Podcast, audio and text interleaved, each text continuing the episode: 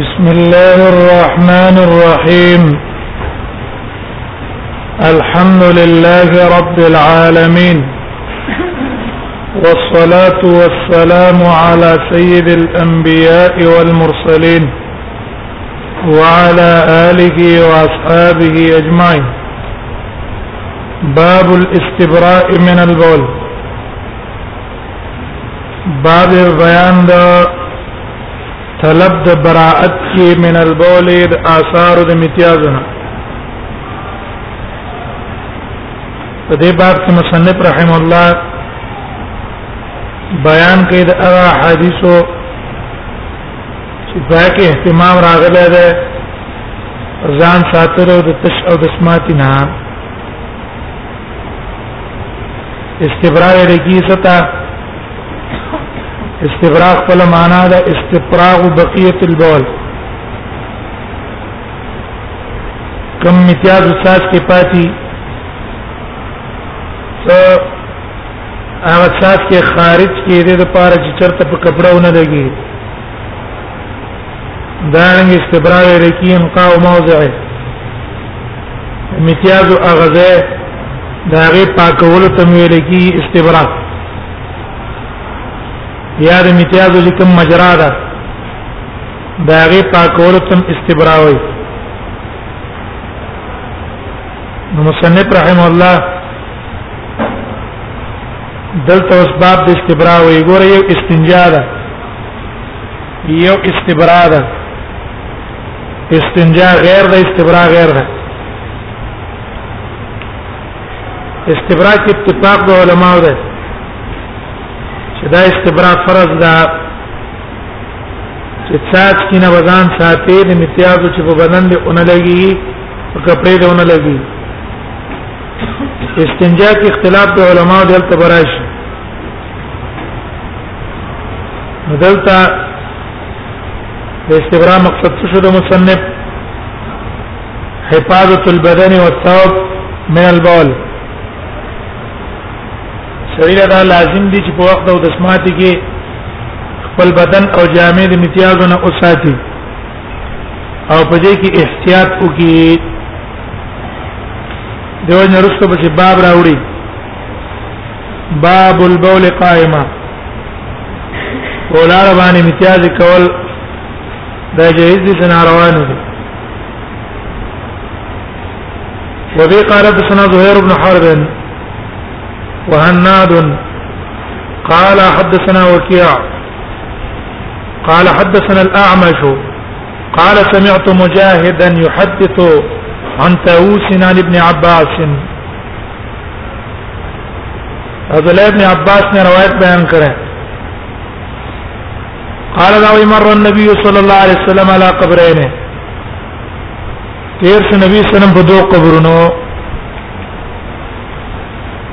قبر ویل کی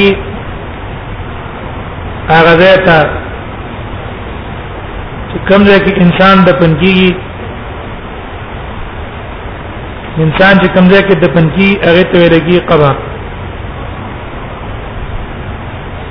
دا دو قبرونه چرته نو روایت ابن ماجه نه معلومیږي چې دا نوی قبرونه وو دا پای کې دي مر علی قبرین جدیدین او د دې قبرونو والا نوم معلوم نه ده دا قبرونه چاو ابن حجر رحم الله وايي وظاهر دا ده روات قصدن عمدن د دې نوم نه ذکر کړه راویانو ته معلومو چې دا پلان کې پلان کې وو لیکن راویانو دې نومه عامدن او قصدن نه ذکر کړه ولې لقصد الستر عليهما د دې لپاره چې په دې باندې پرده راشي کو نمونه موږ ذکر کو نو بیا به د دې به احترامي او عزتي براشي او دا غي په تعین پورې کوم مصلحت پکې شته ده نه نو دیو جن هغه پټ کړی دی بیا حافظ ابن حجر فتح الباری کې وایي چې علماء اختلاف ته پدې کې آیا دا قبرونو والا کافرانو که مسلمانانو دا قبرونه مسلمانانو که کافرانو یو قول د علماو دا ده چې دا کافرانو دا کافرانو او په دې باندې ابو موسی المديني جزم کړی دی چې دا کافرانو مسلمانان نو دلیل نه ولر چې دا کافرانو په حدیث د جابر حدیث د جابر کې دي ان النبي صلى الله عليه وسلم مر على قبرين من بني النجار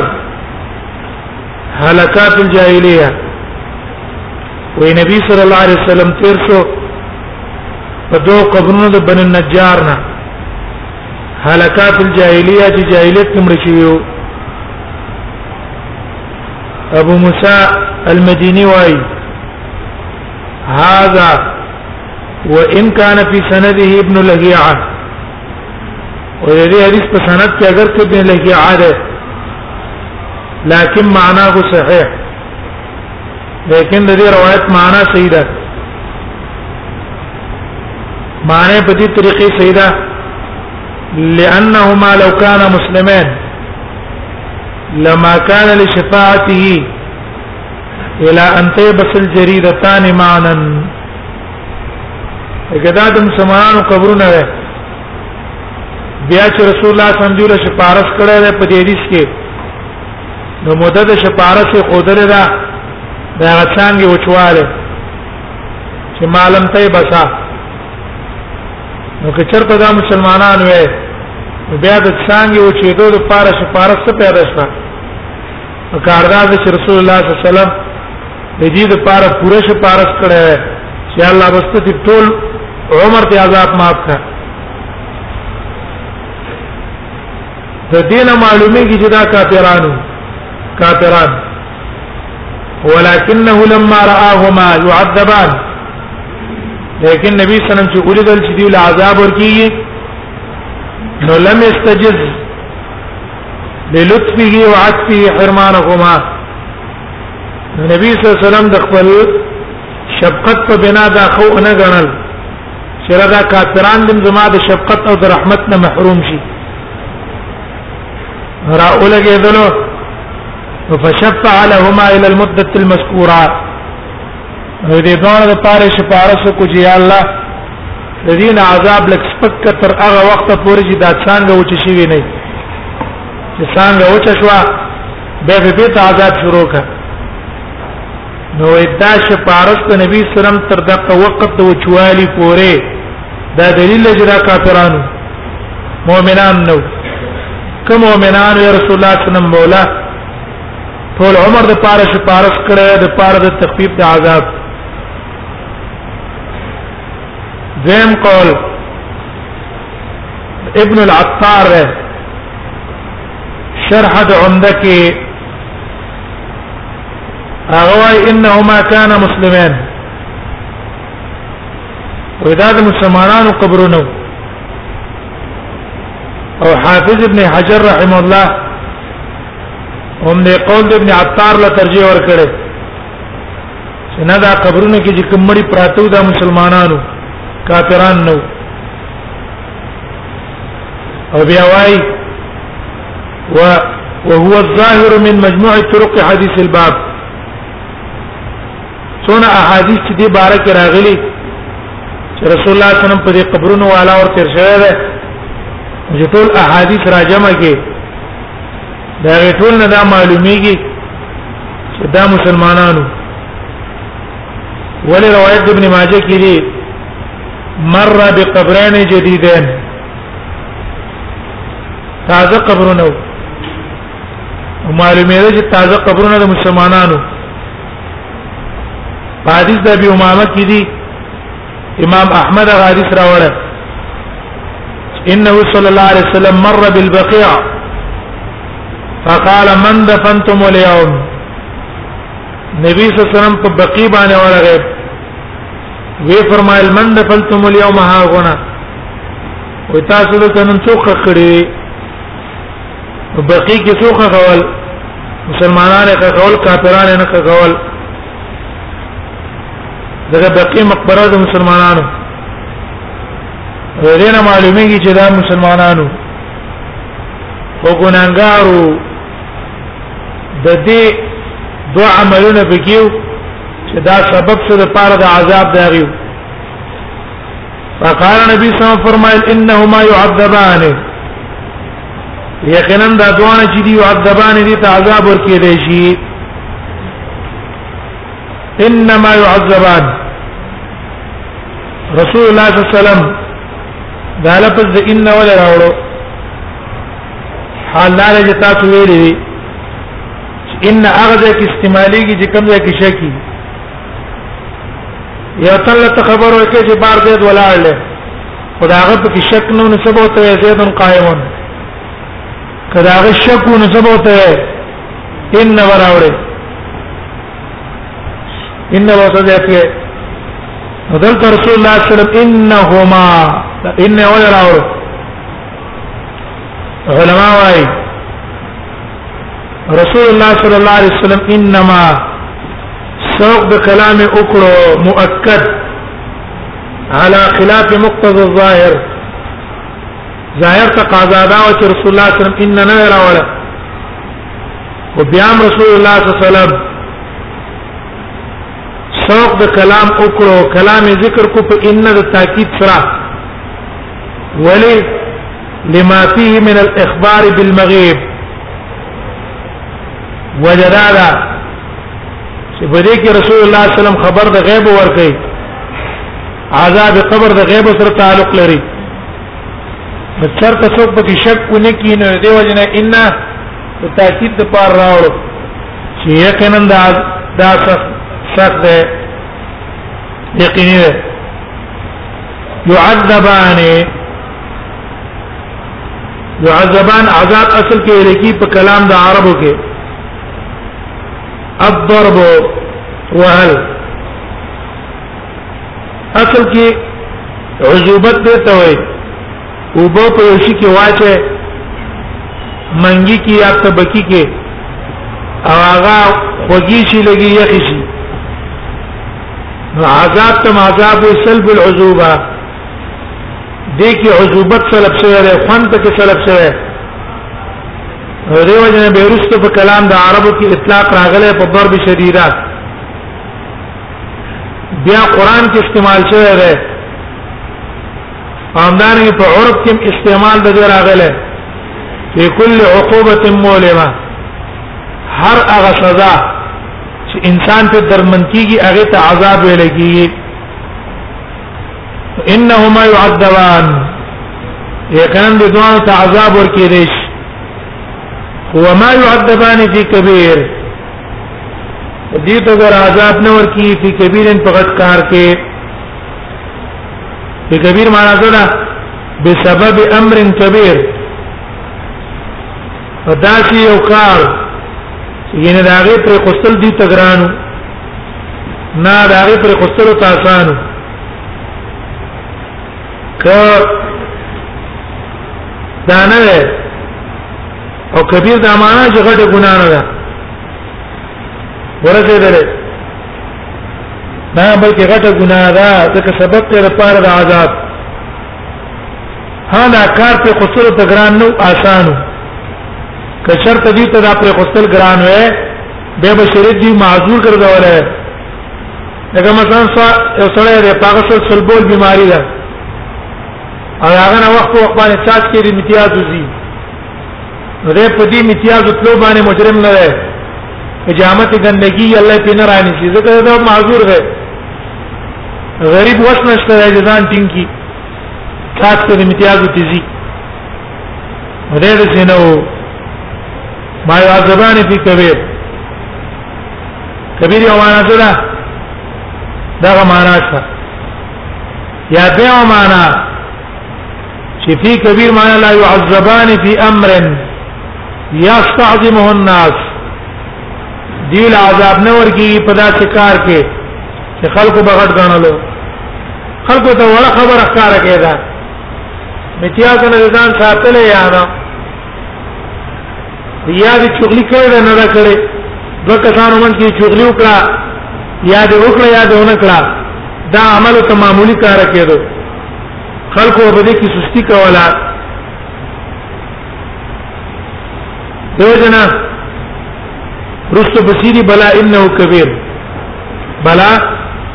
روایت بخاری کې لیکره و انه لکبیر چې دا ګور ډیر لوی جرم دی الله په نسبت باندې ډیر لوی دی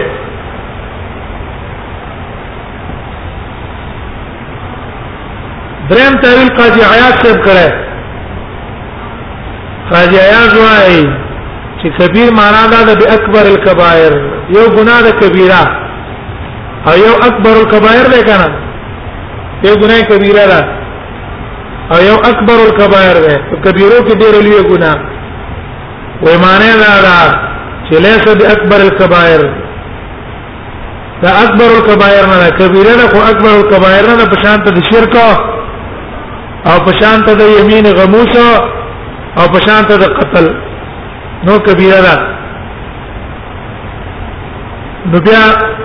د دې قول مطابق د دې کې غرض د رسول الله صلی الله علیه وسلم ته زجر او تحذير دی ګور څوک دا اون وایي چې ګینه عذاب په صرف اکبر او کبایر ملاويږي دلته نبی صلی الله علیه وسلم وایي جنا اکبر او کبایر نه په غیر په نور ګناهونو هم صحیح تصد عذاب ملاويږي دا دا دوه سبب د عذاب ذکر کو دا یو نتیا ځان نه ساتلو د سبب د عذاب ذکر کو او دی بل شغل خوري کولا نو تم سبب د عذاب د پاره ذکر کو وجه دا ده میتیاز نه سره ځان نه ساتي اې دا څنګه دوه څنګه ټکو نه ونوي متیاج نه ځان نه ساتل ګناه کبیره او ته ویاله او چغلې تم ګناه کبیره ویاله وجه اصل کې دا ده چې سره د تشو متیاج نه ځان نه ساتي يلزم منه بطلان الصلاه دا نو ځکه بطلان د مانزه ته ولې مانزه د پاره طهارت د جامع شرط ده نو چې ته د امتیاز او نظام نه ساتي جامع به دي ګندې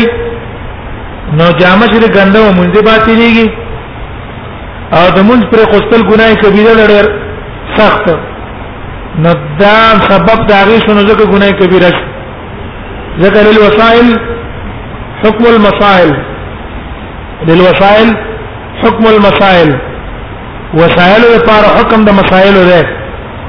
کله مسئله د مسئله حکم وجوب وسیله واجب ده او کدا غي حکم حرمت نو وسیله حکم د حرمت ته او چغلی خوري چې وا نو چغلی خوري سبب ته رپار د فساد او فساد من اقبح القبائح ده من اقبح القبائح او حال دا ده يمشي حديث کې رسول الله صلی الله علیه وسلم ویل واما هذا فكان يمشي بالنميمه ویری او تن بشغلی وړلا دا يمشي دلالت کوي په دې چې دا د حالت مستمر راو د حالت مستمر راو اما هذا واذا یو قبر والا یو اشاره وکړه فكان لا يستنزه من البول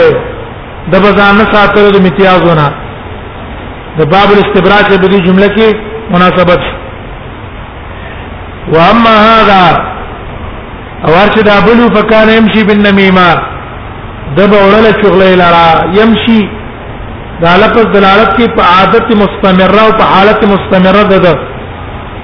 دا چغلي کول په مابین د مسلمانانو کې د دوی او عادت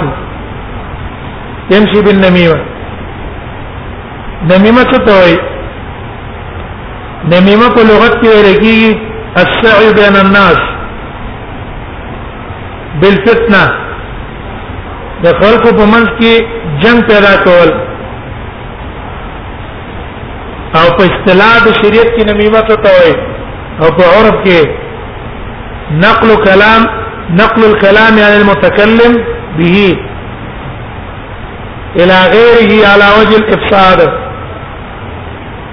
د یو تن خبره بل تنقل کې او غرض دې پاکي چې فساد واقع کولی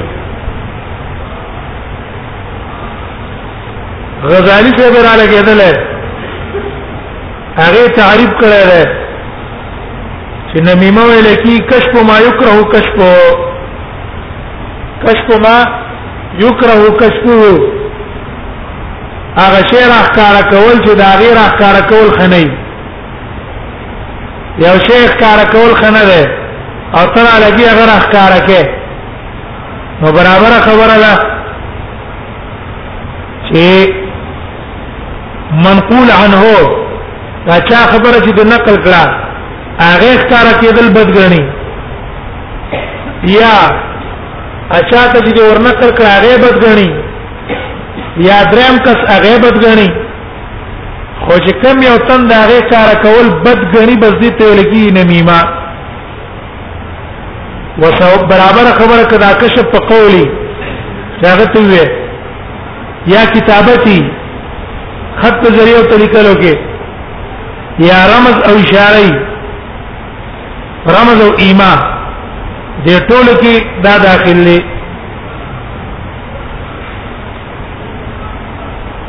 ثم دعا نبی رسول الله صلی الله علیه وسلم روخت بعصیب رطب اچانګ د کجور رطب تازه فشقه باثنين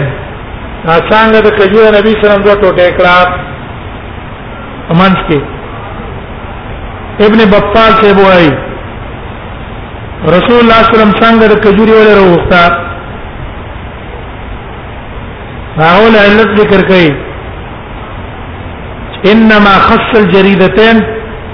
من دون سائر النبات نبی صلی الله علیه وسلم د کجوري د څنګه تخصیص کو کجوري څنګه راوړل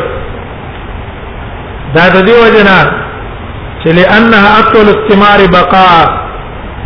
او ټول میوه کې د دې بقا وګړي کجور ډېر وخت پوري او میوه د دې اروخي ټول کالي نور میوه د شي نه فتطول مدة التخفيف چې دا زر وچیږي نه نو مدد تخفیف د عذاب تم لګوږي شي کنه بل څنګه لګولې سما خام لګو چې شو نه تخفیف د عذاب بم کم وي نو دا چې څنګه ولګولې چې لګوګدواله راولي چې تخفیف په عذاب کې لګ ډیر شي ځکه کجور راوته ده ثم غرق على هذا واحده بينا لك فدي بان واحده تنوا ریو باندې ونه اړکړه وعلى هذا واحد او په دې بل قبر باندې بلا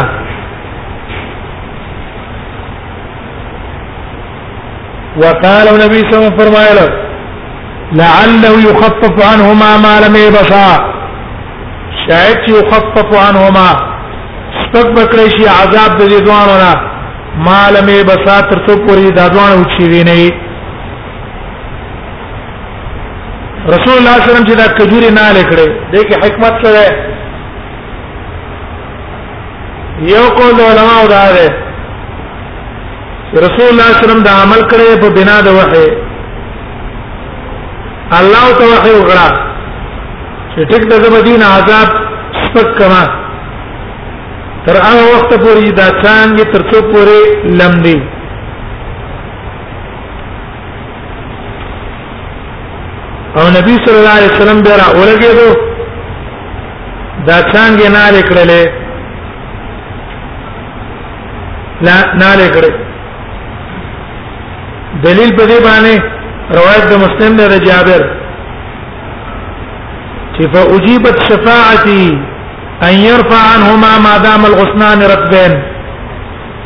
رسول الله صلی الله علیه وسلم سپارښت وکړ چې یا الله د دین عذاب سپک تر څو پورې دا کجوري لمدي و الله زما سپارښت به قبول کړو نو نبی صلی الله علیه وسلم چې دا کجوري نالي کړی دي نو دا په وحید الله نالي کړی دي الله توحید کړو دیم احتمال لا ده چې رسول الله صلی الله علیه وسلم د کجوري دا څنګه ته نه لیکړي څنګه کجوري نه لیکړي دې کې وحي وحي نه وا بلکې دې کې غرض رسول الله صلی الله علیه وسلم دا و چې ترڅو پورې دا لمدې وي چې بدیله دعاګانې غواړم چې کله وچی شي نو زه ولا دعا پرېدم اول جواب اول مقصد دی شوی دا اول خبره مقصد دا دی چې ته د الله نه شپارس وکړو چې الله دې نه عذاب لري کا الله له شپارس قبول کړو چې سید د بدینه بدا عذاب لري کم تر کم وخت پوري چې ته د څنګه په نال کې او دا څنګه چې تر څو پوري لمدی وي بسبت عذاب لري کا او د دې دویم خبرې مطلب دا دی چې رسول الله صلی الله علیه وسلم ته الله نه دی ویلي او نه وسدا شرط لګوله خو نبی صلی الله علیه وسلم د دعا د تخفیف د عذاب غواړم ازما په دعا به الله عذاب لري کوي تعین د وقت د الله د طرف نه نو بلکې رسول الله صلی الله علیه وسلم تعین وکړو خپل طرف نه چې زه بل دعا کوم وخت پورې غواړم چې ترڅو پورې دا څنګه لمدي کله چې دا څنګه وتی شي به زما ول دعا پرېدم چې دعا مې ول پرې کو سره په خپل د دې تعذاب څه شي شروع شي درېم احتمال علماء دا ویل درېم احتمال چې نه دې کې حکمت اصل کې دا ده چې دا کجوري ترڅو پر لمدي نو دی به الله تسبیح وای ترڅو به دا کجوري لمدي دی به الله تسبیح وای او دا الله د تسبیح د وجه د دې ونه د تسبیح د وجه نه د دې مانه په تخفیف د عذاب راځي او وليس للآل لليابس التصبيح او کله چې ونه وچه شو نو د ونه چې وچه شي دا غي تسبیح نه به په دې باندې اعتراض دار راځي چې تاسو وایي چې را دې کې علت اصل کې د تخفیف د عذاب دا تسبیح د ونه را او ونه او وخت پورې څنګه تر هغه وخت پورې تسبیح وجه لمدې چې وجه شي تسبیح پرې وي نو غره د تاسو خبره خو د قران د خلاف ده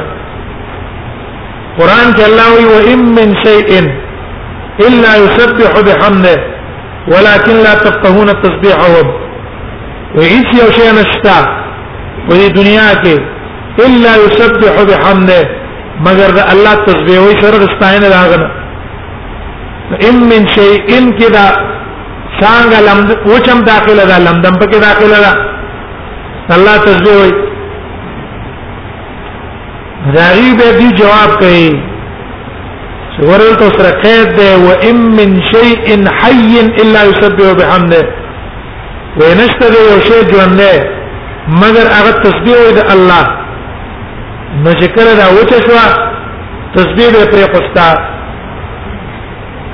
اوس په دې علت په بنا ډېر اختلاف دی د علماو منځ کې چې آیا من تاسو له وسط قبر باندې شنه کبل نه لول شنه بوټي نه لول او دا ته کرل موږ له جایز دي کنه نو کاول علت واخلې نو بیا خو موږ د پاره هیڅ جایز نه دي ځکه هغه رسول الله صلی الله علیه وسلم تعالی وحی کړو چې پاره سره قبول شوی او یا نبی صلی الله علیه وسلم دعا کوله او مدد دعای اقا مقرر کړی و به خو دې کې خبره نشته لیکن د دریم قول مطابق چې سبب د تخفیف د عذاب تسبیح ولدي نو بیا دا مسله د اختلافي د علماو منځ کې اختلافي ده د عام علماو منځ کې یو قول ته بعض علماء ده بعض علماء چې هغه د امام بخاری راي معلومي امام بخاری او امام بخاری په بخاری کې ترجمه الباب په خیره کتاب الجنائز کې باب وضع الجريد على القبر باب وضع الجريد على القبر فقبر د پازه سره څنګه نالي یا شنو بوټي نالي دا څنګه دي به هغه په سرستو د برید ابن الحسین وصیت نقل کړه چې برید ابن الحسین چې کله مړ کېدو هغه وصیت وکړ چې زمور شوما نو زما په قبر باندې به تاسو څنګه نه لکې حافظ ابن حجر رحم الله هغه فتح الباری کې هم دې طرف ته اعلان کړي او موافقت د امام بخاری سره کړي او ویلي دي چې وقد تاسى بريده ابن الحسين الصحابي بذلك وي بريده ابن الحسين الصحابي هغه را لګیدل د رسول الله صلی الله علیه وسلم په دې عمل په اقتدا کړي او بیا وشتم کړي فاوسع ان يوضع على قبره جريدتان هغه مو چې کړو زما په خبر باندې د دوه څنګ نه لیکل شي بیا وای وهو اولى ان يتبع من غيره او د دې د تابعداري اولاد په نسبت د نورو شامی شه په احنافو کې هغه را لګېدلې ده په شامی کې فتوا د جواز ورکړي شعر وسم په قبرونو باندې شین بوټي نه اړول شي نه اړول شي دویم قول د نور علماء ده چې په علماء کې خطابی سے په معالم السنن کې دا نه ترتوشی سے بره اغي ویلې چې اوس په قبرونو باندې شین بوټي نه اړول یا پاره باندې د کجورو څنګه نه اړول دا جایز نه دی دا ممنوع دی جایز نه دی دا ممنوع دی خطابي څه وایي چې وليس في الحديث دليل وليس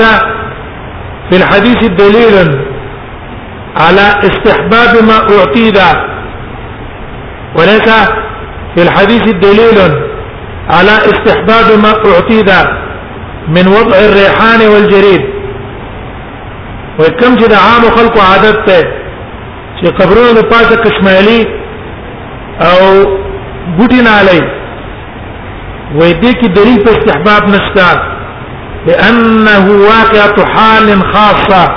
لا تفيد العموم ودا خاص واقعه عموم پکې شته نه ولي وي فانه من ناحيه التبرك باثر النبي ودعائه ووجد هذا چې دا د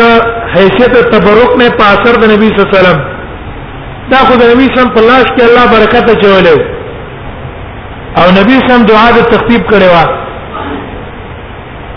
عنهما چې دې دوه لري الله عذاب سپکی دا د رسول الله صلی الله علیه وسلم خصوصیتو دا څنګه د پاره نشته موږ بیان کوو پاتې شو خصيبه بريده بن الخصيب دا غي جواب کړه وې داغه عمل وصیت موږ د پار حجت نه ده حجت نه ده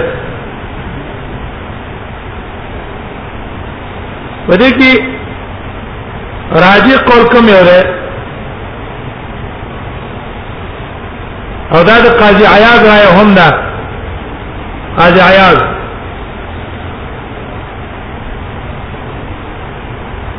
په دې کې راځي قول هم ده چې من تاسو له په قبر باندې شنه بوټي نه علول دا سنت نه دی سنت را لنه دی چې موږ دې کې نشنه بوټي پینال کو او دا بوټي به په نن الو د یو څو امور د وجنه یو امر دا ده چې لم یکشف لنا ان هذا الرجل يعذب رسول الله صلی الله علیه وسلم خدا څنګه چې نه لکړې و خو دی وجنه چې دی ته عذاب او مونږ ته څه پته لګي چې د قبر والا باندې عذاب یې کنه مونږ به الا نه علاوه چې کله معذبي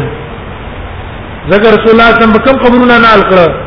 په معذب قبرونه نه الکړه په نور نه دي نه الکړي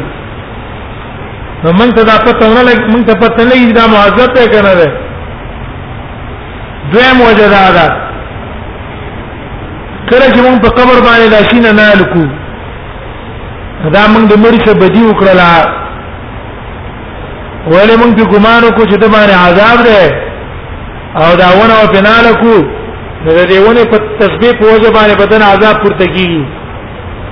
دا هم بدګماني کوم مړي وکړه او په مړي باندې بدګماني نه کوي خو ګمان نه پکې کې رېږي دا مړه عذاب کې نه خپ نعمتونه کې دریم وجه دا ده چې د عام طریقې د نبی صلی الله علیه وسلم نه دا طریقه خلاف ده رسول الله صلی الله علیه وسلم صرف په دې دوه قبرونو دا کار کړی په بقی کې نور قبرونه وو په یو قبر باندې رسول الله صلی الله علیه وسلم بوټي نه دینال کړی کچر دا سنت وې نو رسول الله صلی الله علیه وسلم په نور قبرونو نال کړی سلورم وجه دا ده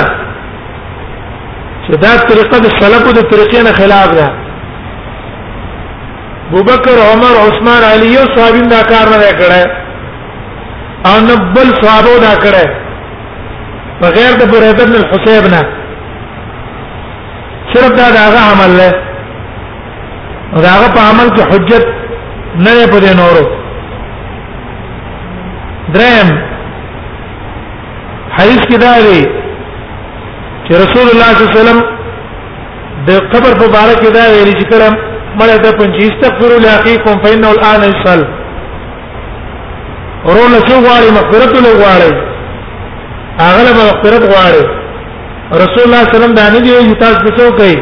تاسو په جنډې دا بوټي بنال کوي او چمندونه دا غي په خوا کې جوړ کوي دیو جنا راجه قولم دا شو او بیا خاص تر دې وخت چې د عام خلکو د دې سنور پاتې د عقیدې دي غلط عقیدې دې څه دې کړی دیو جنا سنت نه ده ځان ته ساتل پکار دي ما ما استفاد من الحديث حدیث ته مسله معلومه شولا چې عذاب القبر حق قبر عذاب حق ده او دا قبر ده دا قبر اکثر محققین معتزله مني اهل سنت والجماعت مني بعض کسانو انکار کړو او د وخت وړل دا هغه ته منکر دي د عذاب نه وي د قبر کې عذاب نشته اج کسی جوړ کړی دي چې نه برزخ دی او مراد نه برزخ دی او نام په دې قبر کې عذاب دی ور رسول الله صلی الله علیه وسلم په سمانه ورته شو مر على قبرين او قال انما انهما يعذبان دو قبرونو ورته شوی دی او ویل دي ته عذاب ملاويږي به مجلس ته معلوم شو بول الانسان نجس قليله وكثيره د انسان متیازي پلیتی دی انسان متیازي پلیتی دی کلیږي او کړيري دا مذهب ته د عام فقهاو هم اگر کوم شي چې سره ځان نشي ساتلای هغه به شریعت معاف کړی دی بل دا وسته معلوم شو وجوب الاستبراء من البول د میتیازو نه بزان ساته د سات کو نه زکا چې يترتب على ترکه من بطلان الصلاه دې باندې مونږ باطلېږي مونږ با تیرېدل سبب ته د غټ جرم بلکې معلوم شو غلظ التحریم نمیمه شغل خوري ګور ګناه کبیره ده ډېر لوی ګناه ده او انها من اعظم اسباب عذاب القبر او دا د عذاب قبر په سببونو کې ډېر لوی سبب ده دا ته معلوم شو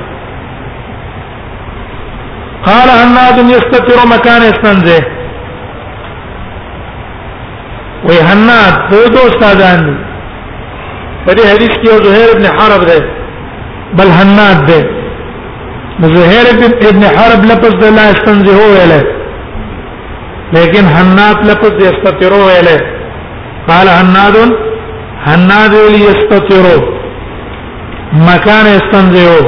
په ځای د استنزیو باندې لپس استترو ویل د استترو یو معنا دا ده ځان د نه پټو په وخت امتیازو کې دیو معنا دا ده چې لا یجعل بینه هو بین البول سترا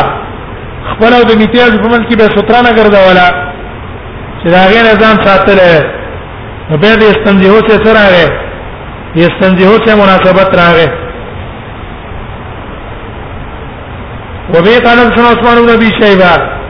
قال حدثنا جرير عن منصور عن مجاهد عن ابن عباس عن النبي صلى الله عليه وسلم بمعناه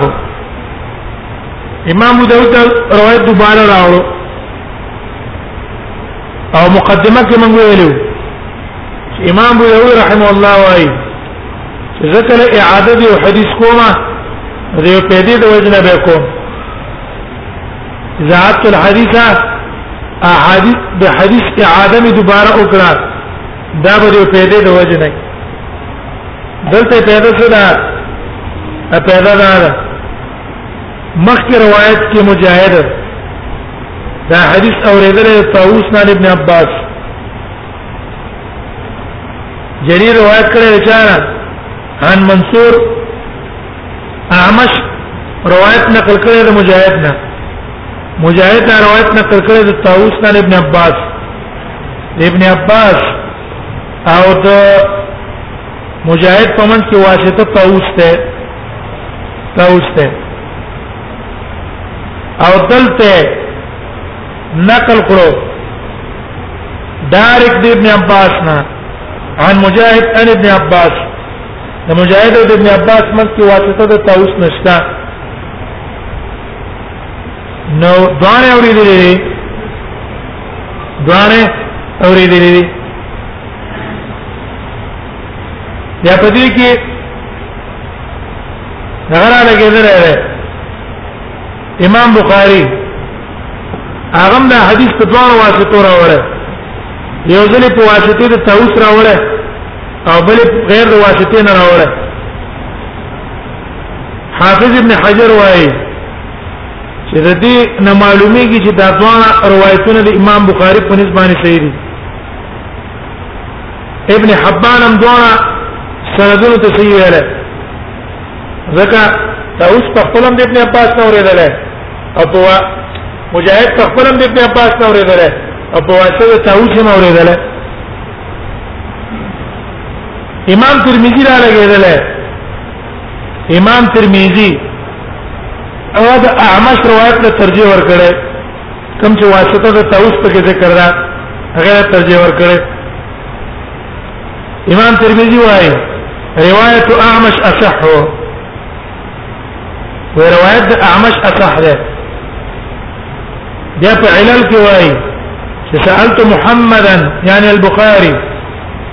وما د امام بخاری نه تاسو کو ايهما صح ورې کې روایت اعمش صحیح ده او که روایت منصور صحیح ده روایت اعمش غم د مجاهد شاګرد دی او منصور هم د مجاهد شاګرد دی چا روایت صحیح دی فقال روایت الاعمش روایت د اعمش صحیح دی هغه ترجیح غل ور کړی لیکن دوه روایتونه صحیح دي دا پکې نشته تضاد پکې نشته قال دا وای کان لا استتر من بوله هغه لا پس لا استتر من بوله ویل د امتیاز نه ځان پټاونه قال ابو معاويه يستنزه دا جمله پاس پکاروا پاس زګر هغه مناسبت د چا ترو هغه استنزه اوس ترو کنه لا استنزه الته دا پکاروا ځکه دا پر روایت اعمش کې ده اعمش نه چې ابو معاویه روایت نقل کړی ده اعمش وکی شاګرد دی اعمش اعمش استاد دی نو وکیاته دا دو جملې نقل لې نو ابو معاویه را لګیدل په استنزه ویره هغه پاسنی روایت سره مناسبت لرلو ځکه ابو معیم دا جمله د اعمش نه نقل کړي او دلته روایت د چا ده دلته روایت ته مجاهد عن منصور ده عن منصور عن مجاهد بن عباس اعمش په دې کس بدل له چا منصور ده هغه سره مناسبت لکه ابن ماجه د قصې کار کړه وبي قال حدثنا مسدد قال حدثنا عبد الواحد ابن زياد قال حدثنا اعمش زيد بن وابل عن عبد الرحمن بن حسن قال انطلقت انا وعمرو بن العاص الى النبي صلى الله عليه وسلم عمرو بن العاص واي انطلقت زلالم وعمر بن العاص وعمر بن العاص لارو الى النبي صلى الله عليه وسلم نبي صلى الله عليه وسلم تا فخرج وما هو درقا وي بدې کې نبی صلی الله علیه وسلم وروته وما هو درقه دا غسر ډالو ثم استطر بها بیا نبی سلام پاره باندې ستر جوړ کړ ځان لا ثم ستر بیا مانا پاغه ډال باندې نبی سلام د ځان لپاره ستر جوړ کړ هغه تکین استلو ثم بالا یا نبی سلام تشو د سمات کو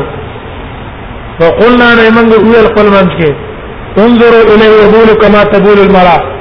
وګوره نبی سلام ته د چا د سماته لکه خزې څنګه د سماته یا دا تشبیه ده په جلوس کې او یا دا تشبیه ده په تستر کې فسمع ذلك نبی صلی الله علیه خبر واوریدا فقال ای فرمایل علم تعلم ما لقي تاسو په ترسته دا عذاب چې ملاقات شو صاحب د بن اسرائیل بن اسرائیل کې وسره کانو اذا صابهم البول ویلی چې کله متیاج تور ورسېدلې قطعو ما اصابه البول پرې به کو هغه چې امتیاز له تور رسیدلې منهم تخپل ځان نه فنها هم نو منع کړ دا هغه لرا فعذب في قبر فقبر کې هغه عذاب ملاوش قال ابو يوسف قال منصور تشريح حديث من جهه سبب